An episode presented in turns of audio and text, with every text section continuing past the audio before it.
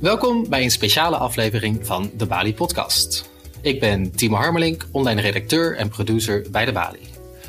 Op maandag 15 juni zonden wij het programma Na de quarantaine uit. Met onder andere de Amsterdamse burgemeester Femke Halsema, filosoof Beate Roesler, denker des vaderlands Daan Rovers en oud-senator en hoogleraar economie Alexander Rinoy Kan.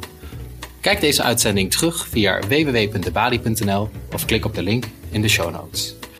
Hun verhalen zijn een onderdeel van de bundel Na de quarantaine, vanaf dinsdag 16 juni verkrijgbaar in de boekhandel, waarin zij de balans opmaken.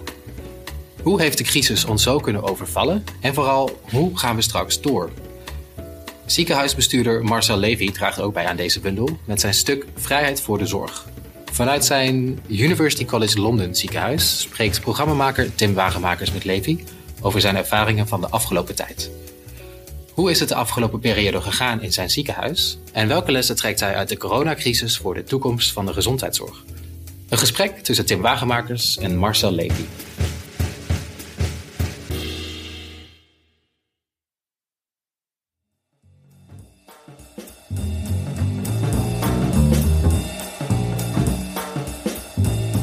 Mijn naam is Tim Wagenmakers. Ik ben programmamaker bij de Bali en ik spreek vandaag met Marcel Levy, ziekenhuisdirecteur van het University College London Hospitals. En in zijn bijdrage aan de bundel Na de quarantaine trekt Marcel Levy lessen uit de coronacrisis voor de gezondheidszorg en pleit hij voor meer vrijheid voor de zorg. En daar gaan we het vandaag over hebben. Welkom, Marcel Levy. Goedemorgen. Fijn dat we u zo even kunnen spreken. Um, u heeft een prikkelende bijdrage geschreven, denk ik, onder de titel Vrijheid voor de zorg. Uh, maar misschien voor we daar naartoe gaan even kort. Hè, u werkt in Londen. Uh, we zitten nu in Nederland langzaam in de situatie dat we weer een beetje open gaan. Hoe is de situatie daar bij u in Londen, in uw ziekenhuis? Ja, Londen loopt ongeveer een weekje of twee achter bij Nederland. We zijn ook wat later in lockdown gegaan. Komen daar ook wat later uit. Ehm, dus het is nog, de meeste winkels hier zijn nog dicht. Vrijwel iedereen werkt van huis. De scholen gaan mondjesmaat open. Uh, dus het drentelt een beetje achter de Nederlandse situatie aan. Ja. In Nederland hebben we heel veel gehoord over um, artsen, doktoren, ziekenhuismanagers die toch echt wel zeggen dat deze periode ontzettend slopend is. Uh, en, en, en, en dat ze toch ook wel ja, het moment afwachten waarop daar een klein beetje weer rust of een normalere gang van zaken in komt. Is dat bij u uh, ook de ervaring? Ja, ik denk zeker toen het zo allemaal begon in maart, uh, dat we sindsdien een aantal enorm intense weken hebben gehad.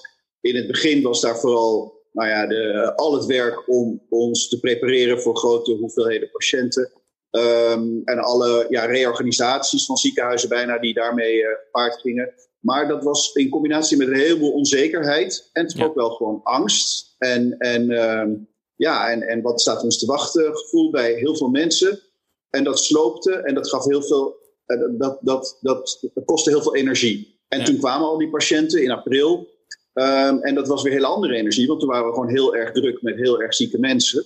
Uh, en ik denk dat dat ook nogal een emotionele uh, um, wissel heeft getrokken op mensen. Omdat zeker diegenen die zich hebben bekommerd om die patiënten, en dat zijn er heel veel, uh, en ook heel veel ervaren klinici, en daar reken ik mezelf dan ook maar even toe. Ja, uh, ja schrokken van, van, de, van hoe ziek die mensen wel niet waren. En we werden dus geconfronteerd met een heel grote groep extreem zieke mensen. Nou, en toen ging dat gelukkig ook weer wat beter. Um, en nu zitten we in weer een heel andere uh, periode, waarin we alles uh, wat we gestopt hebben weer terug proberen te brengen in oude staat maar rekening moeten houden met het infectierisico van coronavirus, wat er nog steeds is. Ja. Dus dat gaat ook weer gepaard met heel veel verandering. Heel veel um, ja, dingen anders doen dan we gewend waren. Ook wel gewoon angst weer voor patiënten. Van is het ziekenhuis wel veilig voor mij? Ja. Um, dus dat is weer een hele andere vorm van energie. Dus ik kan me goed voorstellen dat mensen um, zeggen van nou, ik ben nu wel even aan een weekje vakantie toe. Ja, ja. En hoe is dat voor u? Ik bedoel niet per se uw weekje vakantie, maar meer, uh, u beschrijft toch ook wel die onzekerheid en die angst onder uw personeel. U bent ziekenhuisbestuurder, dus u bent daarin, uh, nou ja, toch iemand die uh, verantwoordelijkheid draagt voor heel veel mensen. Ik kan me voorstellen dat het voor u ook een, nou ja, toch ook wel een wissel trekt in, in, in, in, qua onzekerheid. Het is een unieke situatie in die zin. Ja, ik denk dat veel van de energie daar naartoe is gegaan. De ja. onzekerheid en, het, en zeker ook het verantwoordelijkheidsgevoel. Voelde me verantwoordelijk voor, uh, ja, hebben we wel genoeg capaciteit voor hele zieke mensen? En het laatste wat je wil is dat, dat die ziekenhuizen niet in kunnen, omdat er niet genoeg bedden zijn. Um, maar ik voel me ook extreem verantwoordelijk voor mijn collega's, voor mijn medewerkers en of die wel veilig kunnen werken. En uh, dat hebben we gelukkig allemaal geleerd in de afgelopen weken, hoe we daarmee om moeten gaan. Ja. Maar dat was in het begin niet altijd even makkelijk. Nee, nee, nee. De aanleiding uh, voor dit gesprek is uw bijdrage aan de bundel na de quarantaine, want daar heeft u toch ook nog tijd voor gevonden. Um, u heeft als enige uw bijdrage vanuit een uh, ander land geschreven, vanuit Engeland, vanuit Londen. Is dat, um, maakt dat uw bijdrage, denkt u, anders, zeg maar, om vanuit een ander land te reflecteren op die periode na de quarantaine? Ja, leuke vraag. Ik, ik uh, volg de Nederlandse situatie nog wel heel nauwkeurig. Uh, lees vrij veel kranten en, en volg andere media. Dus ik denk dat ik een beetje weet hoe het is. Maar je kijkt toch van afstand. Uh, en een beetje vanuit, ja, vanuit een helikopter kijk je ehm, ehm, neer. En bovendien, ik zit in Engeland in een niet heel andere situatie in, in met het werken in ziekenhuizen als dat ik in Nederland was. Dus ik heb wel het context, ik kan het vergelijken. En ik zie opvallende overeenkomsten, ik zie ook opvallende verschillen. Um, ja, dat, het geeft een, een iets ander beeld dan als je zelf helemaal er middenin staat. Denk. Ja, ja, ja. ja. U, heeft een aantal lessen geschreven in uw, uh, in uw bijdrage. Eigenlijk vijf leerpunten die we kunnen gebruiken nou ja, in deze periode waarin we het opnieuw organiseren.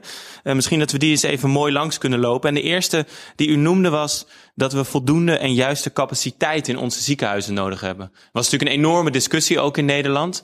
De IC-capaciteit in Nederland is wat lager dan bijvoorbeeld in Duitsland. Flink stuk lager.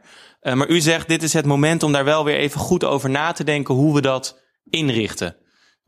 Ja, Waarom is, kijk, denk weet je, het, uh, zoals ziekenhuizen georganiseerd zijn, en zeker ook in Nederland, is een beetje vreemd. We uh, weten precies, we hebben planbare zorg, dus operaties ja. die gepland worden, die volgende week of de week daarna gebeuren. We weten precies hoeveel dat er zijn, hoeveel operatiekamers we nodig hebben, hoeveel bedden we daarvoor nodig hebben, hoeveel intensive care we daarvoor nodig hebben. Allemaal geweldig goed gepland en geregeld. En dan heb je de acute zorg.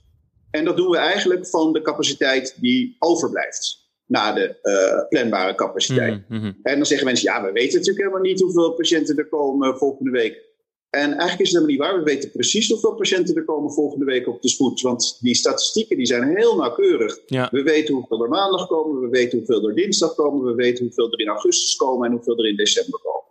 Dat weten we precies. Maar we plannen daar heel slecht op.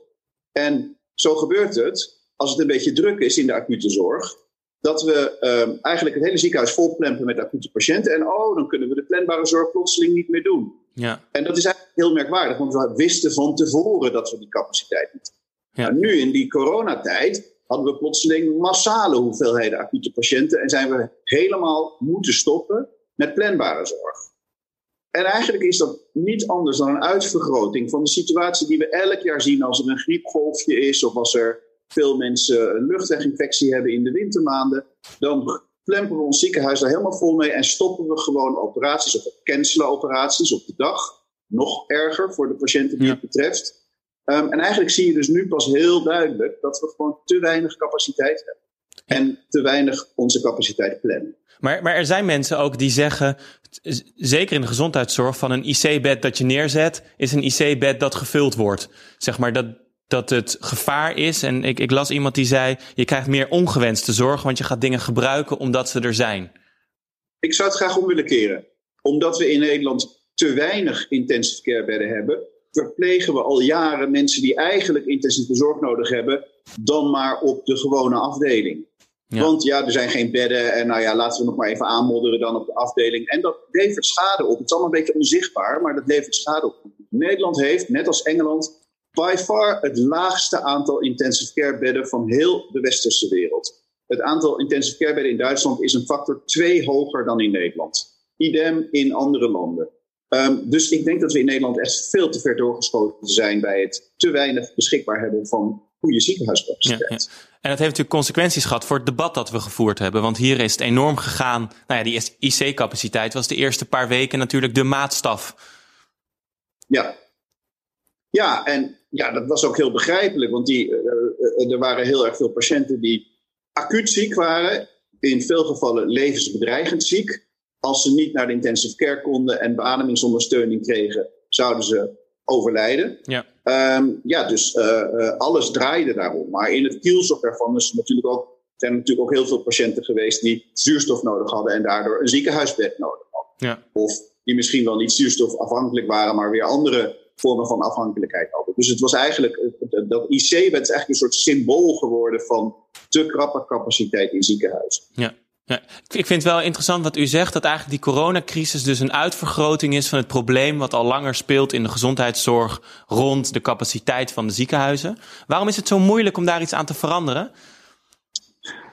Nou, naar mijn mening hebben we vooral in Nederland een systeem, ehm, en dat heeft ook voordelen, hebben we een systeem gemaakt wat heel erg gedreven wordt door efficiëntie en door kostenbeheersing. En het moet allemaal zo goedkoop mogelijk en er mag geen, mag geen, geen grammetje vet aan zitten, want anders snijden we het eraf. Ja, En ik denk dat we daar een tikje in doorgeschoten zijn. Het mooie is natuurlijk dat je daarmee een mooi slank systeem hebt en de kosten weet te beheersen. Maar je ziet dat als je niet een heel klein beetje overcapaciteit hebt, dat je niet in staat bent om crisissituaties op te pakken. ja. Ja, ja. Het is natuurlijk een interessant moment, hè? want over een jaar zijn de verkiezingen weer en dan komt de discussie weer. De gezondheidszorg is altijd een belangrijk thema en het is ook altijd een van de duurste eh, eh, sectoren. Mag ik daar iets over zeggen? Tuurlijk. Dat vind ik echt zo'n onbenullige discussie. Ja? Uh, we geven in Nederland minder dan 15% van wat we met z'n allen verdienen uit aan gezondheidszorg. Is dat dan zo'n monster? Ja, We geven ja, pot voor drie meer uit aan onze auto. ja. En daar is in de verkiezingstijd nooit debat over. Dus volgens mij geven we helemaal niet te veel geld uit aan gezondheidszorg.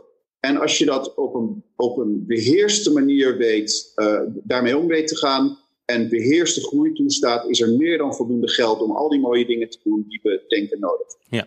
Een andere les die daar een klein beetje op aanhaakt, of ook die discussie weer breder maakt, is dat u zegt gezondheid en welzijn gaan verder dan intensive care bedden en mondkapjes. Dat hebben we deze crisis geleerd. Kunt u daar iets meer over vertellen?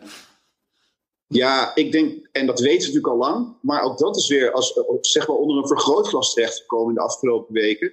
Dat er een extreme afhankelijkheid is van, um, van uh, welvaart, sociaal-economische status, van huisvesting, um, van hoeveel sociale hulp je mensen kunt bieden en uh, de uh, noodzaak tot medische zorg. En het is een beetje pijnlijk om te zien, en dat is in ja. Londen nog veel erger dan bijvoorbeeld in Amsterdam. Maar ook in Amsterdam is het echt zo dat mensen die in wat rijkere wijken wonen, veel betere zorguitkomsten hebben, ziekteuitkomsten hebben, dan mensen die uh, onder slechte omstandigheden leven. Ja. En soms is het heel simpel om te begrijpen. Als je met uh, twaalf mensen uh, en drie generaties in een kleine ruimte leeft, ja, dan is het nogal makkelijk om een virus over te brengen.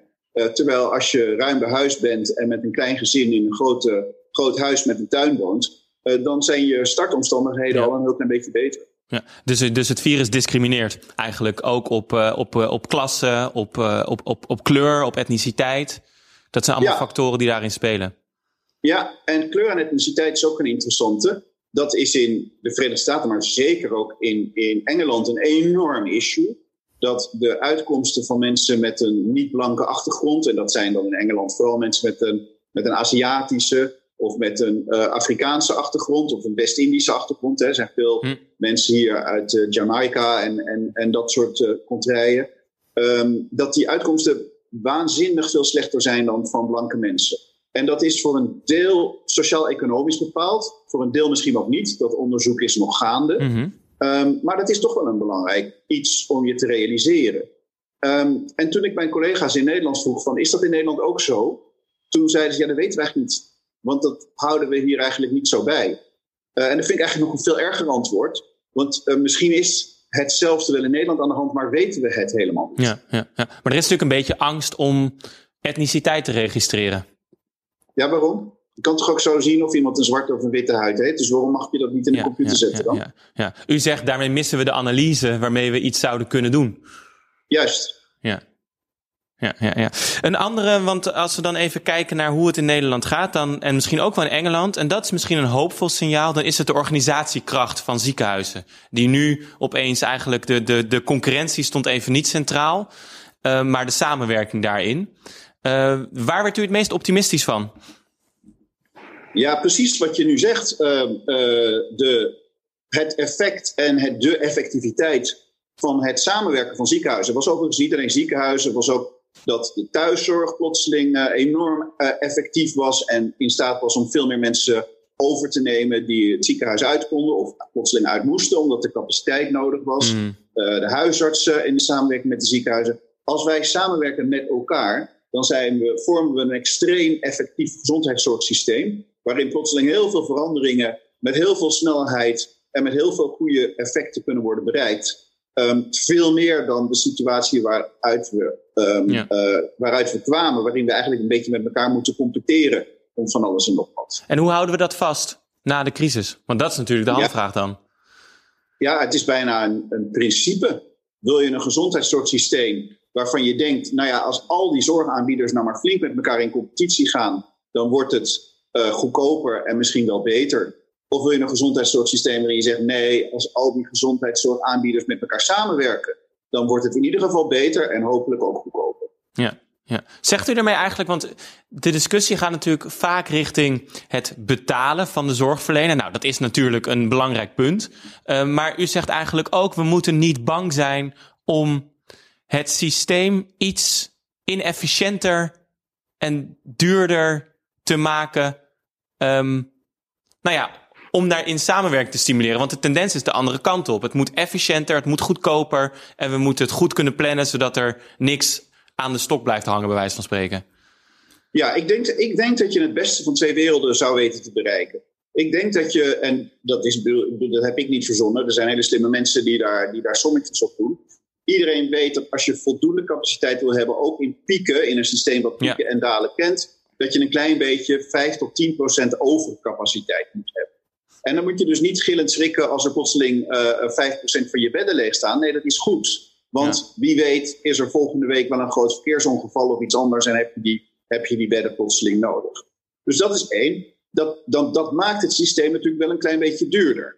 Dus dan moeten we heel goed nadenken. Nou, zitten er misschien op andere plekken in het systeem elementen waarin we geld misschien aan het verspillen zijn. En waarvan we denken van nou, als we dat niet meer doen, dan besparen we weer heel veel geld. En dat geld kunnen we dan dus gebruiken om die overcapaciteit te financieren. En waar denkt nou, u dan naar mijn... Ja, sorry. Ja. Nee, ik vroeg me af, waar denkt u dan aan? Nou, ik denk bijvoorbeeld aan dat dan ballotige gedoe dat iedereen die in een ziekenhuisbed ligt kennelijk elke dag bloed geprikt moet worden.